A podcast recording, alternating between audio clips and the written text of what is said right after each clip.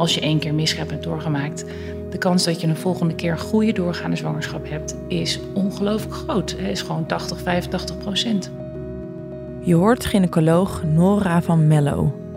Nora werkt in het Amsterdam UMC en daar ziet ze veel vrouwen met problemen in de vroege zwangerschap. Ze behandelt miskramen en begeleidt vrouwen en hun partners daarbij. Wat kun je nou doen voor iemand met een miskraam? In ieder geval bijvoorbeeld in de volgende zwangerschap, in die eerste drie maanden, wat vaker een echo maken, iets vaker met iemand praten.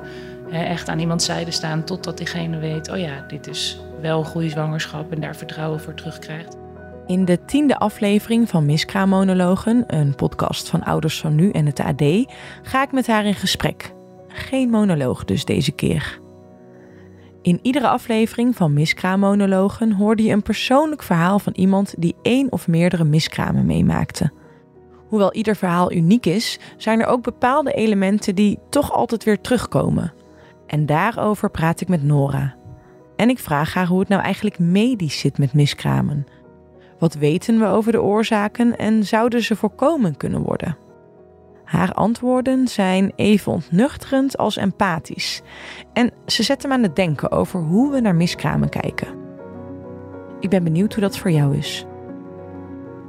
Nora luisterde voor ons interview een aantal afleveringen van Miskraammonologen en ik vroeg haar of ze dingen hoorde die ze herkent uit haar eigen spreekkamer. Ja, wat je natuurlijk vooral hoort is dat, dat mensen de impact die een miskraam heeft en ook, ik denk, toch een stukje onderkenning. Uh, misschien ook wel niet verwachten van zichzelf dat het zo zwaar is of uh, zou uh, is geweest. Maar vooral ook toch vaak ja, de eenzaamheid die mensen ervaren als het gaat over miskramen. Um, en ook wat ik heel belangrijk vond en heel mooi is dat je daar ook een, een, partner in hebt betrokken. Want die wordt heel vaak vergeten. Terwijl die gewoon de helft van de partij is die net zoveel verdriet heeft. Ook al lijkt het alsof natuurlijk alles fysiek alleen over de vrouwelijke persoon gaat. Maar ja, uh, het verdriet en het verlies is net zo groot voor beide. Ik denk dat van oudsher heel vaak gedacht is en een soort aannames is gedaan dat, je, dat, er, dat een persoon iets verkeerd zou hebben gedaan als die een miskraam doormaakt. Dus er zit een zat van, van gewoon, ja, ik weet niet precies welk historisch perspectief, maar ergens van oudsher zit er gewoon een enorme soort taboe op. Je praat er niet over. Um, want het is een mislukte zwangerschap. En met andere woorden, hè, je hebt misschien dus hebben zelf, mensen dat op zichzelf betrokken of het gevoel gehad dat andere mensen uh, daar er wat van vinden.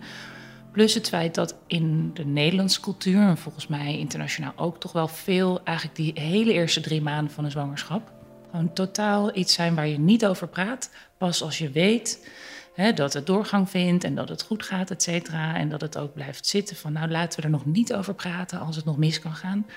Uh, pas eigenlijk het moment dat het helemaal goed is, dan treed je naar buiten. En dat maakt die eerste drie maanden natuurlijk sowieso eigenlijk heel eenzaam.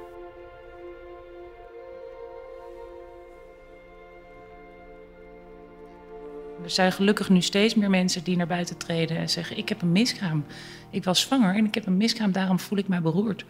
En dat is natuurlijk zo mooi als we dat kunnen, een beetje kunnen normaliseren, want dan kun je ook voor mensen zorgen. Nu moet ik in de spreekkamer heel vaak zeggen: luister, dit is niet niks. Je kan niet morgen terug naar je werk en doen alsof er niks aan de hand is. Maar mensen willen graag de schijn ophouden, want anders dan zou er misschien wel iemand kunnen weten wat er met ze is. Het is natuurlijk echt waanzin dat we er zo mee omgaan.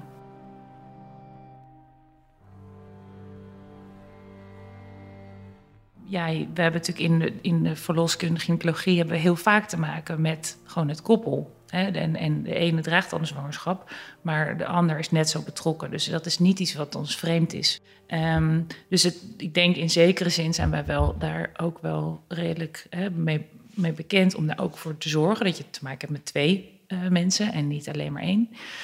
Uh, maar toch hoor je vaak hè, dat de focus gaat natuurlijk wel uit naar degene die op dat moment ook bijvoorbeeld de medische behandeling moet ondergaan.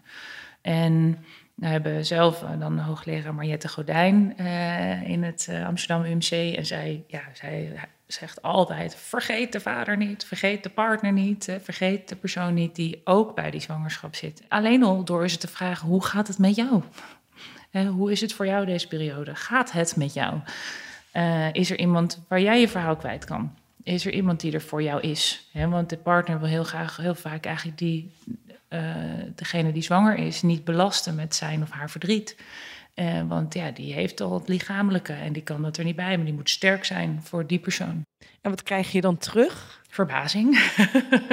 Daar word ik heel vaak helemaal niet zo erg op gelet. Dus dat is niet altijd gewoon voor iemand die denkt, ja, uh, tuurlijk. Uh, en, en, en er is ook, als het gaat om een mannelijke partner, ja, dan mannen hebben ook toch sneller, vaker iets over zich van, nou, daar hebben we het niet over, of daar hoef je niet op te letten. Maar ik denk dat het toch wel heel erg gewaardeerd wordt. Dat je wel iemand ziet en ook even aandacht voor hebt. Een andere ontwikkeling die ik hoorde is dat nu uh, vrouwen zich wat bewuster ervan zijn dat ze het terugje kunnen opvangen, bijvoorbeeld in een vergiet, en dan in een uh, bakje met water zetten om het te, te bekijken. Is dat ook iets wat jij hoort? Of, en, en, hoe kijk jij daarnaar? Er is inderdaad, hè, er is op een gegeven moment heel, heel mooi laten zien hoe je dus een vruchtje gewoon op water, dat dat dan eigenlijk een tijdje zo blijft staan. En op die manier kun je in ieder geval kijken uh, en kun je zien uh, wat het verlies ook werkelijk is. En daarvan is ook echt ja, gebleken dat dat belangrijk is voor de rouw. En dat dat ook, hè, er zijn ook heel veel mensen die bijvoorbeeld het vruchtje opvangen om het ergens te begraven. om het echt een plekje te geven. Um, of op een andere manier, ja, een soort rieten eigenlijk meedoen om, ja, om daar eh, zelf een soort proces van afscheid aan te verbinden. Uh, de vrouwen die me vertelden dat ze zoiets hadden gedaan, die gingen zich soms ook bijna voor verontschuldigen. Van ik ben eigenlijk heel nuchter hoor, maar ik heb dit en dit en dit gedaan.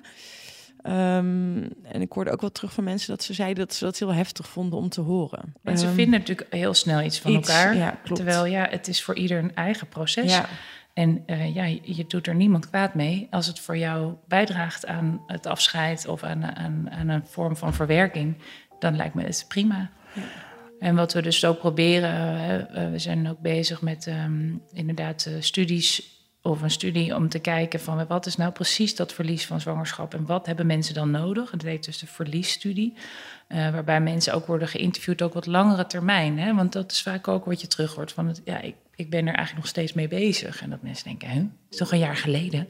Is toch drie maanden geleden? Is ja, toch weg? Ik heb nu toch een kind? Ja, precies. Bijvoorbeeld. Ja. ja. En dat dat op die manier eigenlijk wordt weggezet of een beetje mm. miskend ook. Mm. Uh, om toch nog beter in kaart te brengen van wat hebben mensen nodig die een vroege zwangerschap verloren hebben. En daarbij betrekken we ook uh, de zwangerschappen die bijvoorbeeld niet zozeer alleen maar in de baarmoeder zaten, maar ook op een verkeerde plaats. Want dat zijn dus de zwangerschappen waarbij net zo, het verlies net zo groot is. Tuurlijk. Vaak is de medische interventie, dus medische nood om iets te doen. En, en dus ook het acute moment en de stress en de spoed mm. daaromheen eigenlijk ja. heel overheersend. Ja. En dan komt natuurlijk juist eigenlijk dat staartje van... ach, maar ik was zwanger, mijn lijf stond helemaal ja. aan... En, en ik, het was zo gewenst, et cetera. En dan komt er nog echt, echt heel rauw op een dak vallen.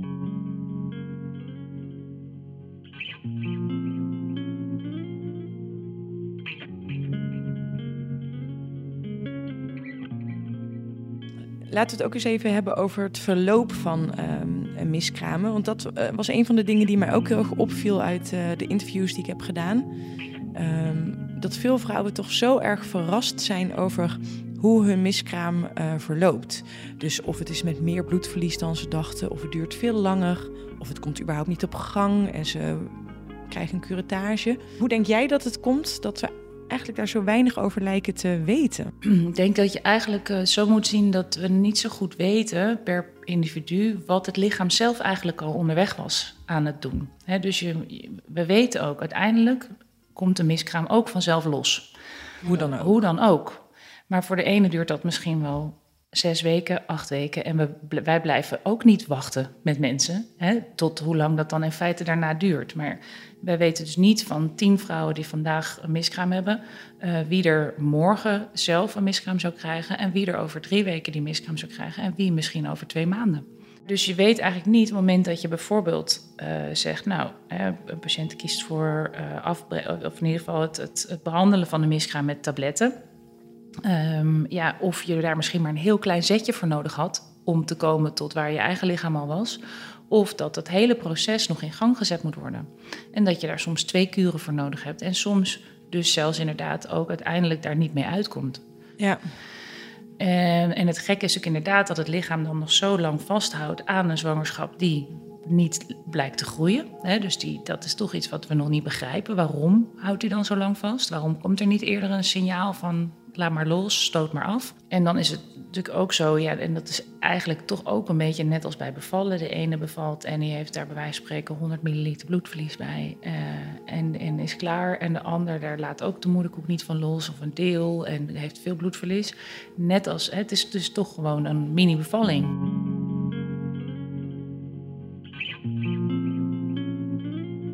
Je probeert echt zeg maar, mee te geven dat het hevig is. Um, het en komt denk ik soms ook niet goed aan, omdat mensen heel erg in hun emotie zitten. Tuurlijk. Tenminste, dat heb ik ook veel gehoord van vrouwen. Dat ze zeiden, ja, ik, ik, ik, het kwam gewoon niet meer binnen en ik heb dat foldertje gekregen. Maar nee, uh, uiteindelijk overkomt het ze toch allemaal. Ja. Ook al is het hen wel verteld en zo. Precies. En het is heel moeilijk om aan iemand uit te leggen hoe zwaar iets gaat zijn. Het enige wat je kan doen, en dat is belangrijk... en, en mensen voelen dat toch vaak als een drempel. Is van als het niet gaat, dan bel je ons dus. Het is niet zo dat we mensen naar huis sturen met een tablet en zeggen: Dit moet jij thuis doormaken. Ga kijken of het kan thuis. En als het niet gaat, dan kom je terug. Ja. Um, en dan zijn we hier en dit is het nummer. Ja. Snap je? En dat is ook toch nog wel iets wat soms. Dat, dat mensen dan toch een drempel ervaren. En denken ze: Ja, nou ja, toen heb ik toch nog maar eventjes een uurtje op de wc doorgebeten. Weet je wel zo? Terwijl ik al drie keer flauw gevallen was. Ja. Maar echt. En dan denk je, maar, maar je mag ons bellen. Daar zijn we voor. We zijn altijd wakker. Ja, ja. um, maar vrouwen voelen dus echt ook een, drempel. een drempel. Ja. ja.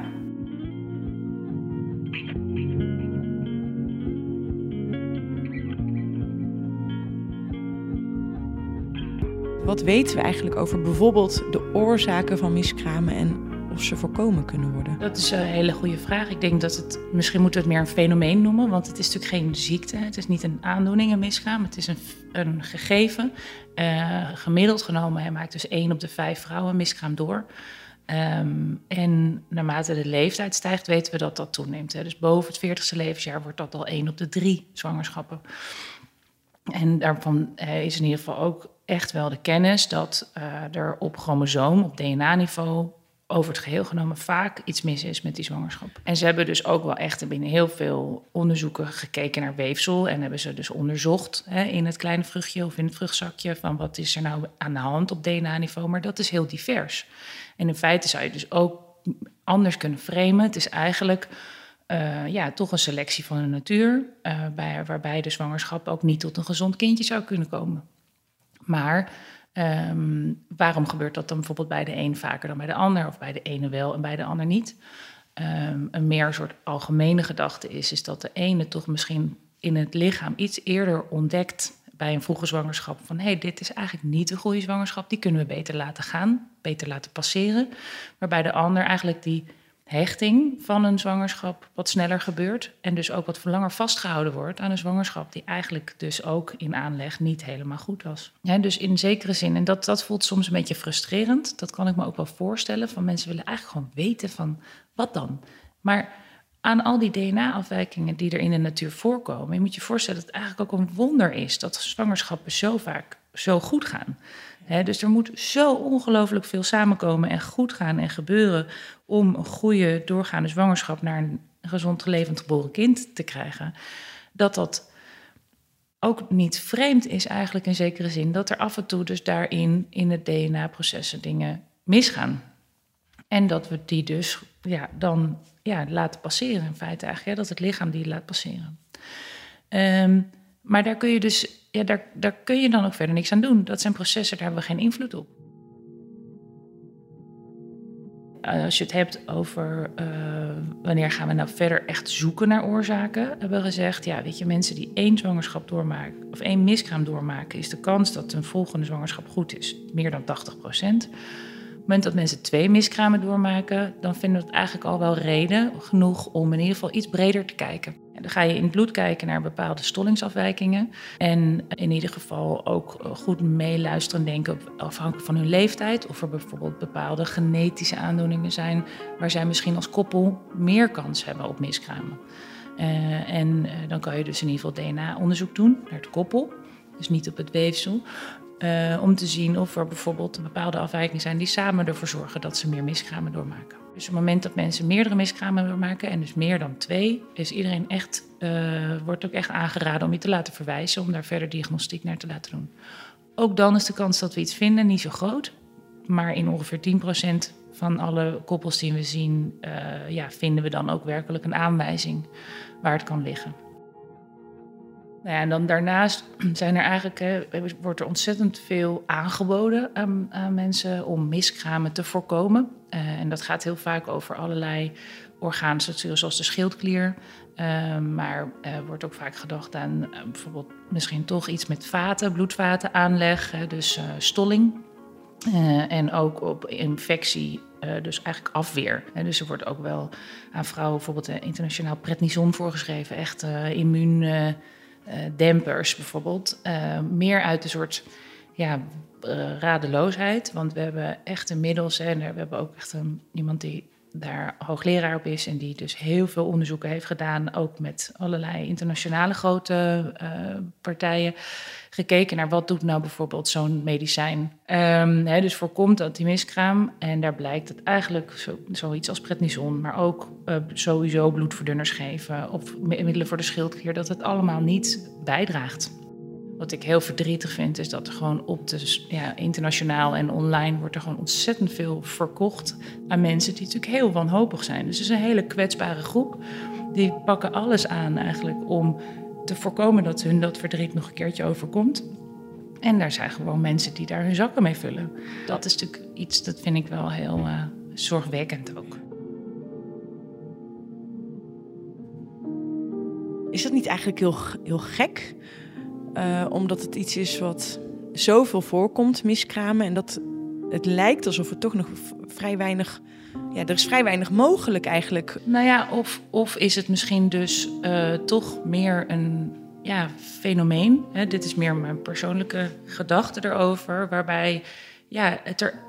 Uh, het is natuurlijk het er niet bij hoort, maar ja, er is een mate van natuurlijke selectie. En ik denk dat we nu natuurlijk ook ontzettend vaak en veel vroeger weten dat we zwanger zijn. Dat we vroeger echo's maken.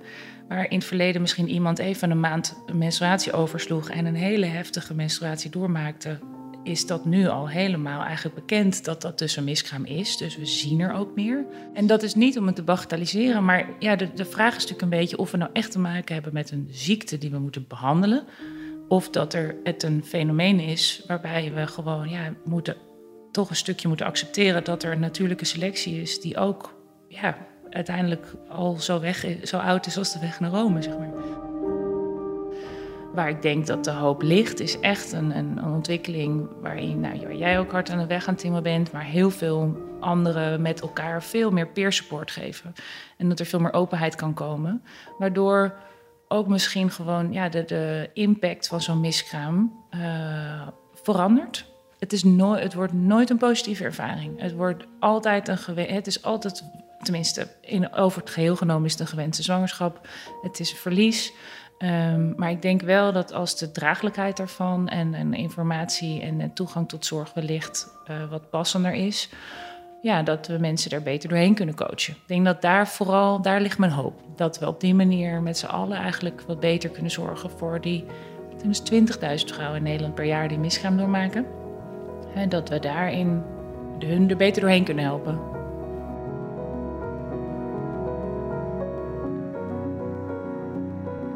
Dat is iets wat mij wel duidelijk is geworden na de tientallen gesprekken die ik voor deze podcast voerde.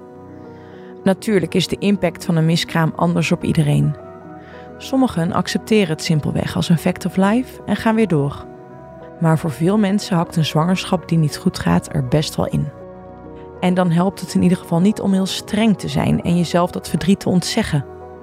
Wat je er ook mee doet, het is oké. De een danst het weg op een festival, terwijl de ander een dagboek vol schrijft. Weet in ieder geval dat je niet alleen bent. Ik gun iedereen een luisterend oor, want in je eentje weegt het allemaal zoveel zwaarder. Maar als je niemand in je omgeving hebt waarbij je je verhaal kwijt kan, dan hoop ik dat je je door de verhalen in deze podcast in ieder geval een beetje gesteund voelt. Dit was de tiende aflevering van Miskraammonologen.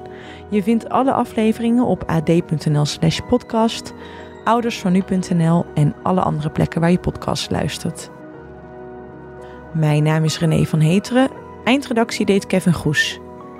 Ik wil nogmaals iedereen danken die zijn verhaal met me deelde en ook alle mensen die hebben gereageerd. Vergeet niet de podcast te delen met iemand die er iets aan heeft.